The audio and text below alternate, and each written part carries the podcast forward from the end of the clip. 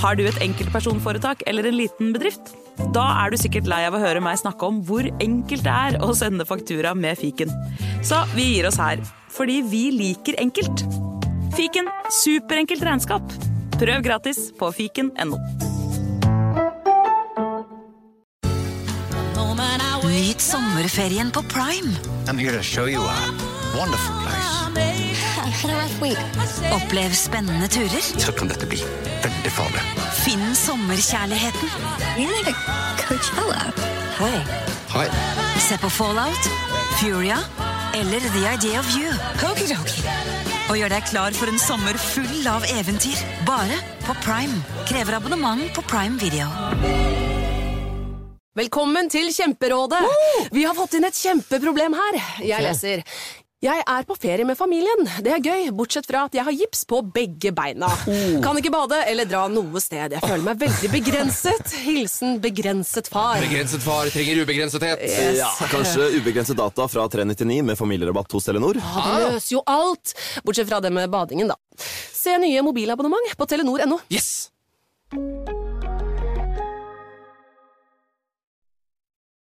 Hei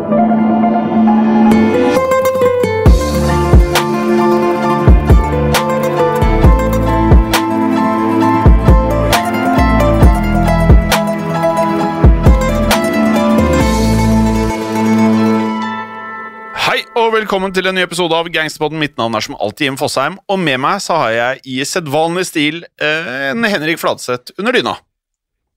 I dag er det under dyna. Vi spiller eh, fra hjemmefra. I hvert fall jeg. Og det er, eh, det er egentlig deilig å være tilbake med hodet inntil sengegavlen og dyna tett opp til haka. eh, Med mikrofonen nærmest bare hvilende på brystkassa. I den sammenkrøkede stillingen her. Men kan jeg spørre, Henrik, tidligere så lå du jo under dyna fordi det var kaldt. Det kan ikke være kaldt nå, vel? Nei, det er bare deilig. Jeg liker å ha dyne. Jeg har dyne overalt. Jeg, jeg har den ute i stua når jeg ser på ting og koser meg der. Ja da. Jeg er en dynemann, ja. Du er det. Ja, ja, ja, ja. Nå, Henrik, så skal vi eh, prate om noe meget eh, kuriøst, for vi skal i denne episoden vende tilbake til Raja.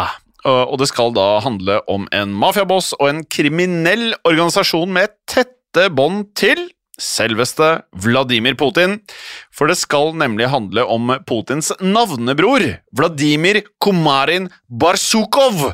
Og mediene har da omtalt denne Kumarin som Russlands, hør på dette, Al Capone, og det føler jeg sier en hel del. Ja, øh, denne Kumarin er ingen hvem som helst i Russlands underverden, øh, øh, for han stiftet nemlig en av Russlands største kriminelle gjenger, nemlig Tambov-gjengen, eller Tambov. Tambov-mafiaen.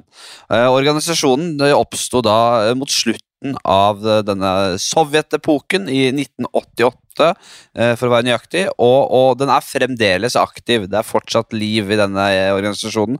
Og Tamboff-gjengen har i dag rundt 600 såkalte innvidde medlemmer. Eh, og hvordan det går med bossen Kumarin i dag, det kommer vi tilbake til litt etter hvert. Vi, vi, tar det jo steg for steg, Jim. Ja, Kumarins fødenavn var Vladimir Vladimirovitsj Kumarin. Eh, men han endret da navnet sitt til Barsukov. Og det kan jeg forstå. Vladimir Vladimirovitsj, det høres jo egentlig ikke ekte ut. Um, fjol- Fjollete, ja. ja, det er fjollete. veldig- Du kan ikke bli tatt seriøst. Det blir ikke noe Al Capone da, nei. Uh, Jo, men det er, det er jo sånn altså, Det er mange som går for i Norge òg. Joakim Joakimsen kjenner jeg som heter. Det, og det er liksom litt sånn uh, Aksel Akselsen heter det sikkert en som heter. Og det er litt sånne varianter i Norge òg. Ja, det er det, men eh, de høres jo heller ikke så veldig skumle ut, akkurat. Men um, uansett, Vladimir Vladimirovitsj ble født i, i Leningrad, nå St. Petersburg, i 1956, Uh, og er da altså i dag 66 år gammel. Og etter å ha fullført da sin um, tvungne militærtjeneste i Den røde armé, så flyttet Kumarin tilbake til St. Petersburg, der han da havnet på en Ja, klassisk i gangsterbåten, inn i en kriminell løpebane. Og på 1980-tallet så fikk han sin aller første dom for våpenbesittelse og noe som er en klassiker et sted å starte for mange av disse gutta her, nemlig dokumentforfalskning. Eh, men det skulle ikke bli den siste dommen hans, eh, Henrik Fladseth. Nei, det ble det skulle ikke. For på slutten av 80-tallet så møtte Kumarin en mann fra eh, den russiske Tambov-regionen, Valerij Ledovsij. Eh, og sammen så grunnla de to en eh, kriminell gjeng som eh, var forbeholdt menn fra Tambov. Derav navnet eh, Tambovs... Tam, Tambov, Tambovskaja mafia. Rett og slett, da. Tambovskaja mafia. Ja.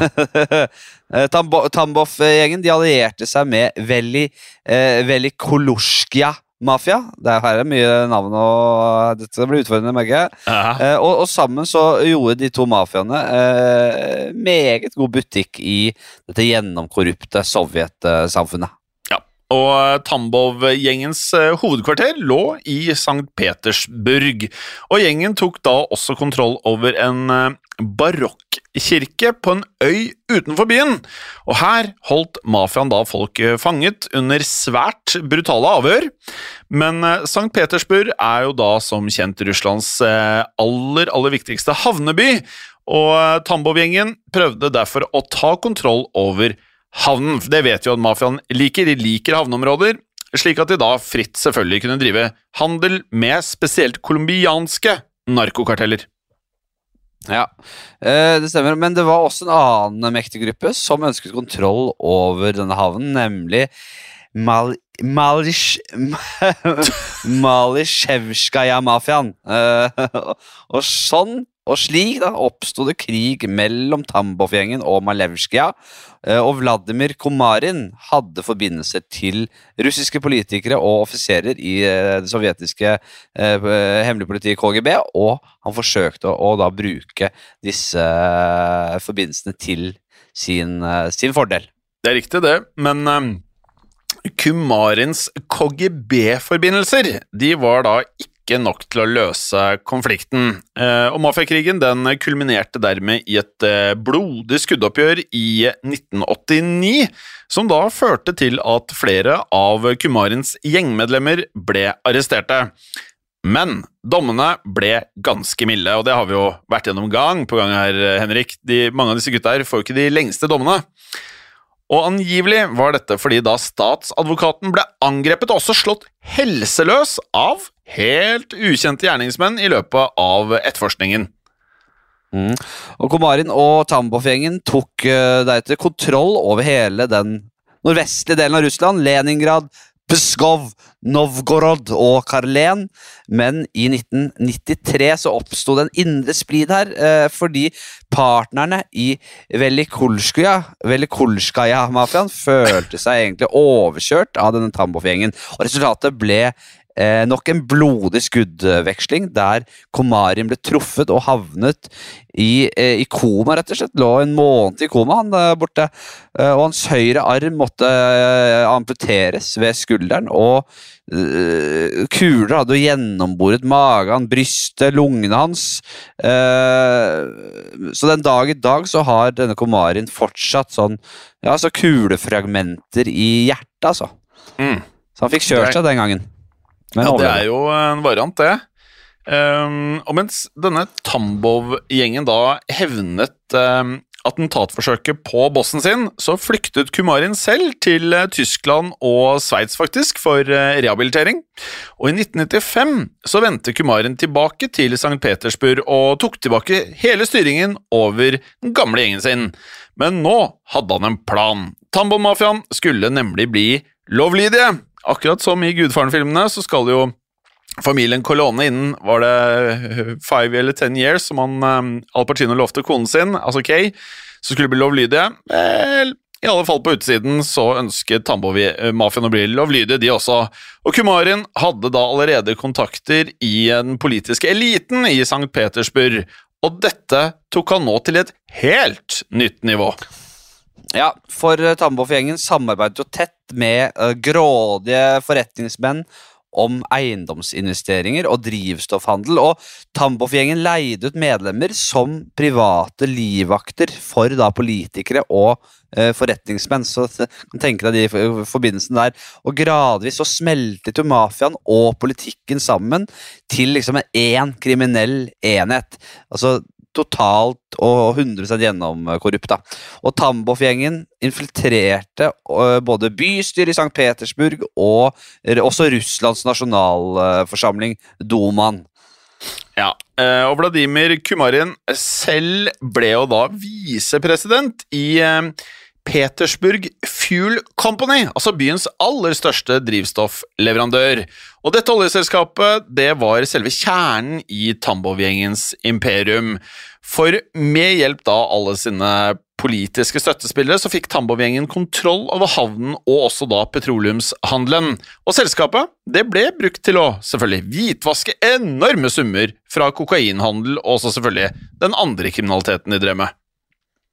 Ja. Og så, da. Eh, en av Komarins nærmeste partnere her, og politiske støttespillere, var en mann som er, kan vi si, i vinden om dagen. Ja. Vladimir Putin. Og øh, mange har kanskje lest seg litt opp om Putins liksom, vei til, til, til makten. Altså, Putin var på 1990-tallet høyt plassert i bystyret i St. Petersburg. Han var da faktisk viseborgermester. Putin var blant, øh, blant de mange da, politikerne som, med bakgrunn fra KGB som kom til makten i Russland etter kommunistregimets fall i 1991. Det, vil si, altså, det er mange politikere da, med KGB-bakgrunn som har fått uh, infiltrert uh, russisk politikk. Da. Ja, og Putins tette bånd med den russiske mafiaen er faktisk da veldig godt dokumentert, og samarbeidet deres var da bygget på blod og kokain, eh, som enkelte medier valgte å kalle det. Og Komarin skal til og med ha blitt kalt for Putins nattguvernør, rett og slett fordi Putin regjerte i St. Petersburg om dagen, mens Kumarin hersket etter at solen var gått ned. Putin skal da rett og slett ha lukket øynene øh, hardt igjen, mens Komarin da holdt på sant, og bestakk offentlige tjenestemenn og fjernet fiender med nærmest daglig leiemord. Og i tillegg, I tillegg til at Putin innvilget Komarins oljeselskap utallige øh, lukrative kontrakter. Eh, og til gjengjeld så fikk Putin dyppe nebbet i dette store overskuddet av rubler som Komarin øh, håvet inn her. Åh, og for en dypping av nebb det var.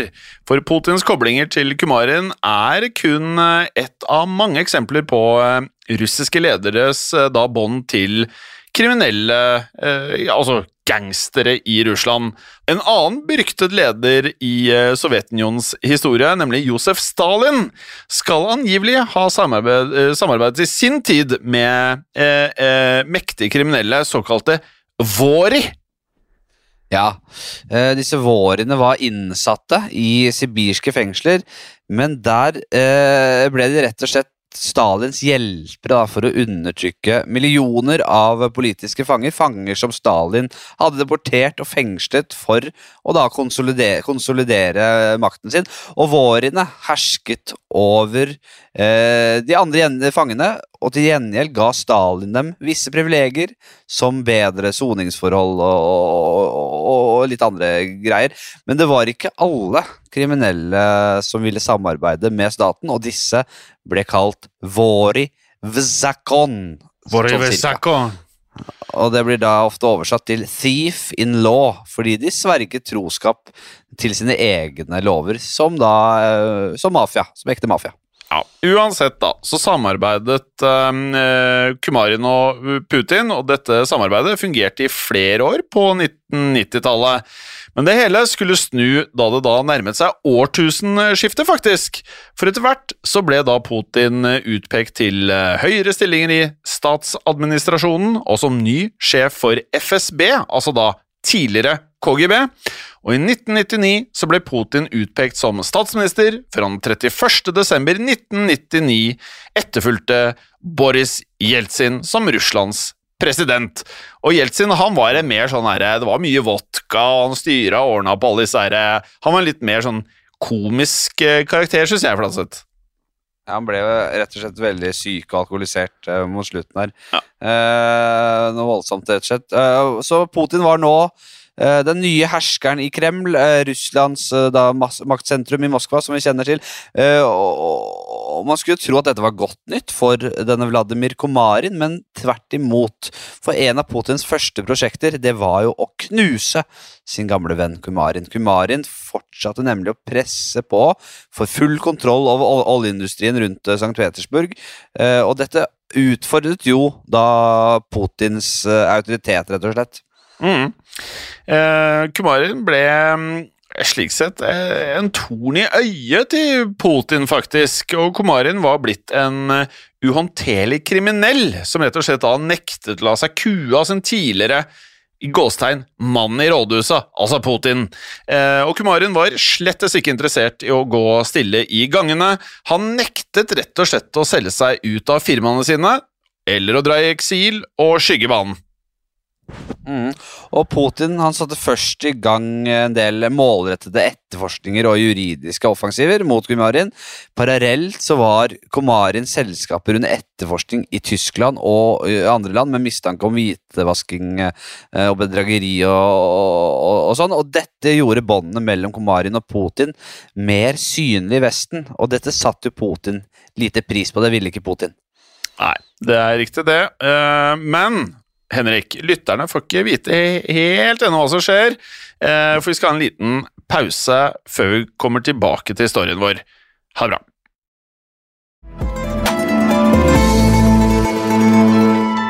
Velkommen tilbake.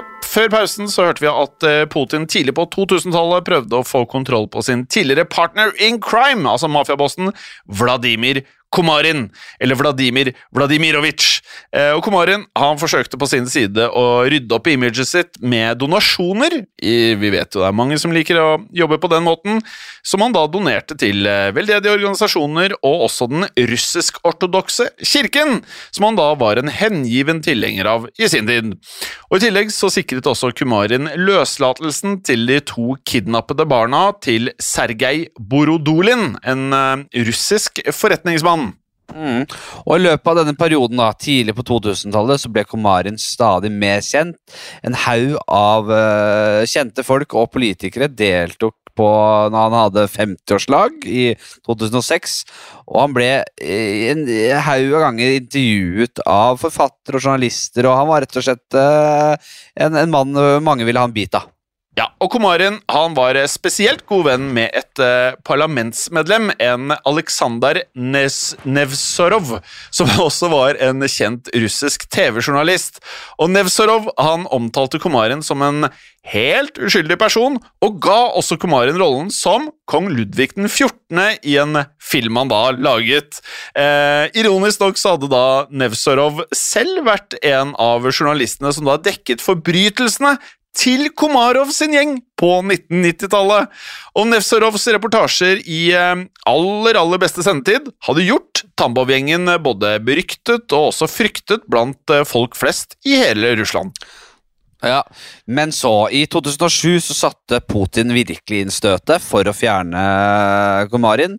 Eh, altså Han ville jo ikke ha han rundt i rampelyset på denne måten. her. Eh, Putin sendte nå en hel flåte av helikoptre med 300 spesialsoldater fra Moskva i eh, en, en fullskala militæroperasjon, som han liker å kalle det. Og Eh, som det, Eh, for å da arrestere Komarin. Dette her kan vel faktisk kalles en spes kalles en spesialoperasjon. Eh, så her eh, dundra han inn med en haug av spesialsoldater for å, å, å ta denne bossen. Og det klarte han. altså Kumarin ble lagt i jern. Eh, deretter så ble han fløyet tilbake til Moskva, og Kumarin ble fengslet i 23 år. eh, for da, da å ha beordret flere drap og drevet med utpressing og hvitvasking og penger og hvitvasking penger og bedrageri og alskens ulumskheter. Politiske kommentatorer sa den gang at eh, Putin hadde vist dem eh, noe sånn som følgende. Det spiller ingen rolle hvor stor du er, staten er tilbake, og vi kan dra hvor som helst og ta hvem som helst. Ja. I motsetning til andre kriminelle så har Komarin aldri eh, blitt sendt til en sånn fangeleir i Sibir. Eh, der, der ute er det ganske jævlig. Altså, der lever fanger under et svært strengt, strengt regime i Det er jævla kaldt òg, vet du. Uh, men de kan også gå relativt uh, fritt rundt. Uh, og I stedet så har denne Komarin forsvunnet fra radaren i ulike høysikkerhetsfengsler i Moskva under Putins kommando. Og Mm. Komarin vet selv at han aldri vil bli løslatt så lenge Putin sitter ved makten. Ja. Eh, Og Tambov-gjengen den eh, fortsatte å operere etter eh, Komarins fall, men livet i Russland ble vanskeligere for lederen i gjengen. Og Derfor så satte Tambov langt større fokus på sine utenlandske avdelinger. Gjengen er siden blitt da mål for flere etterforskninger og politiraid i både Spania og Tyskland.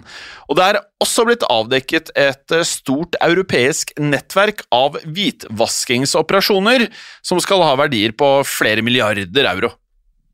Ja. Eh, men Tamboff-gjengen har også rett og slett forlatt eh, denne virksomheten sin i St. Petersburg. og gjengen er veldig svekket sammenlignet med storhetstiden på, på 90-tallet. Eh, men de skal fremdeles drive med ganske utstrakt eh, kriminalitet, eh, men nå da under Putins indirekte kontroll. Så kan det Altså, Putin har virkelig Uh, en, en, han, han, han styrer Han styrer sjappa, rett og slett, der borte. Han Altså. styrer veldig mye om dagen. Uh, og en uh, brite ved navn Mark Galeotti skal ha forsket på båndene mellom Russlands politiske elite og den russiske mafiaen i over 30 år. Og han har blant annet skrevet boken Vori. Russlands supermafia om nettopp dette temaet. Han er blant eh, mange eksperter som da mener at mafiaen er blitt en integrert del, nærmest, av Putins eh, maktapparat. Ja, for akkurat som eh, Putin knuste Komarin, så har Putin også klart å temme mafiaen som helhet. Putin har brukt mafiaen i statens interesse, som definert av hans eget regime. Ifølge Gagliotti så er den russiske mafiaen blitt mobilisert som et utenrikspolitisk verktøy i det som uten tvil er historiens eh, første kriminelle politiske krig. Eh, Og akkurat som Putin har eh, tvunget medier og også næringslivet til å utføre oppdrag for staten, har store kriminelle organisasjoner, også hackere, blitt trukket inn i Putins tjeneste. Og Dermed så har det ofte blitt sagt at det er vanskelig å si om eh, drap er blitt utført på spesifikke ordre fra Putin, eller om det er de kriminelle selv som har vurdert at en slik forbrytelse vil da være til glede for Putin. Og denne Gagliotti-journalisten han hevder at under Putin så er den russiske staten den største kriminelle gjengen i byen. Og Gagliotti og andre eksperter har rett og slett stemplet det moderne Russland som ja, en mafiastat, styrt av en elite eh, som stjeler i, eh, over en lav sko og suger til seg så mye de kan av eh, eh, landets ressurser, av inntektene. Riktig det, men eh, den kriminelle eliten eh, stjeler ikke på tradisjonelt vis. Eh, typ liksom, De driver ikke og raner folk på gatehjørner, for det meste skjer gjennom eh, offentlige kontrakter, korrupte avtaler og lignende. Og det er eh, en vanvittig stor overlapp mellom hvordan mafiaen opererer og hvordan eh, den politiske og også den økonomiske eliten opererer i Russland. Så grensene, Henrik, føles eh, relativt eh, visket ut.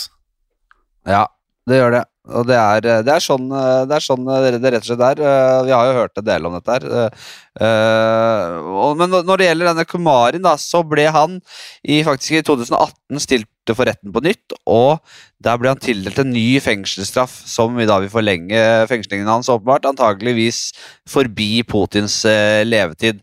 Komarin skal også etter sigende forsone seg med at han vil leve et eh, helt liv bak murene i denne varetekt, eh, varetektscellen hans i, i Moskva. Han, har, han har gitt opp, rett og slett. Ja, han er det. Og Komarin skal ha uttalt eh, noe slik som følger Jeg ville elsket å få være i et vanlig fengsel i en fangeleir, hvor jeg da ville få lov til å gå rundt og spi eh, spise og puste frisk luft, men jeg ville aldri få slippe ut av dette strengeste og mest bevoktede interneringssenteret i hele Russland. Ja. Eh, til slutt så kan vi anbefale eh, lytterne å høre, eh, hvis dere ikke har gjort det allerede, en episode vi har laget om den russiske mafiabossen uh, Semyon Moglivic, Mm. eh, også kjent Semyon. som Brainy Don, eh, Brainy Don, eller Boss of Bosses i den russiske mafiaen. Ifølge FBI er Moglivic verdens eh, største og farligste uh, mafiaboss. Eh, det har vært en lytt, rett og slett. Ja, det har det. Men, men da, eh, Flatseth, så føler jeg vi egentlig har vært gjennom eh, enda en episode som bare setter litt i kontekst, altså hvor mektig Putin er, og som gjør han til en helt annen leder enn eh, noen andre vi egentlig kjenner til i verden, kanskje? Ja, I hvert fall i det som skal være en slags sivilisert stat. Det er det Ja. ikke i det hele tatt. Nei, det føles ikke sånn. Så en fyr med mye makt, og som uh, har bakgrunn i KGB, som også mange andre politikere virker det som, og også mange kriminelle. Så alle disse her kjenner jo hverandre på sett og vis. Det er, det er jo liksom Ja, det er mye som går inn i hverandre her, altså. Interessant. Har du en låt til oss? Det har jeg. Jeg eh, er eh, veldig glad i musikken til en duo som heter Mob Deep. Eh, det er eh, to New York-rappere som i sin tid hadde mye beef med blant annet Tupac, og de har en sang som heter Put Them In Their Place.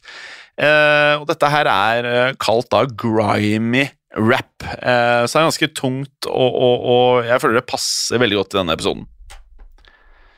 Det gjør det. Vi høres som vanlig neste uke, vi, med mindre du har blitt uh, for grådig og satt, uh, satt uh, den russiske kaviaren i halsen og nå sover med fiskene.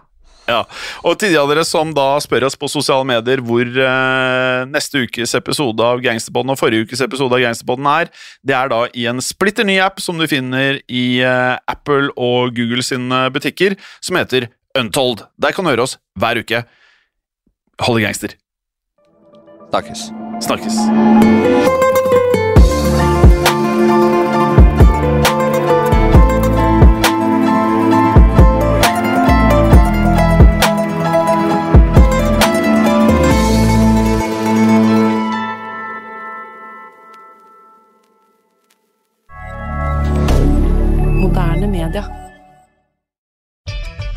Kan kundene dine betale slik de ønsker? Med betalingsløsninger fra Svea øker du sannsynligheten for at kundene fullfører et kjøp, fordi de finner sitt foretrukne betalingsvalg. Svea vår jobb, din betalingsløsning. Enklere, raskere. Et godt råd fra Apotek 1. Sola er tilbake, og når du skal ut og nyte den, er det viktig med god solbeskyttelse. Hos oss finner du et bredt utvalg av solkremer. Har du f.eks. en tørr, fet eller normal hudtype, har vi solkremer som er spesielt tilpasset din hud og dine behov. Husk å bruke rikelig med solkrem for å få god nok beskyttelse. Kom innom og få råd på ditt nærmeste Apotek 1, eller chat med oss på apotek1.no. Apotek 1 vår kunnskap, din trygghet.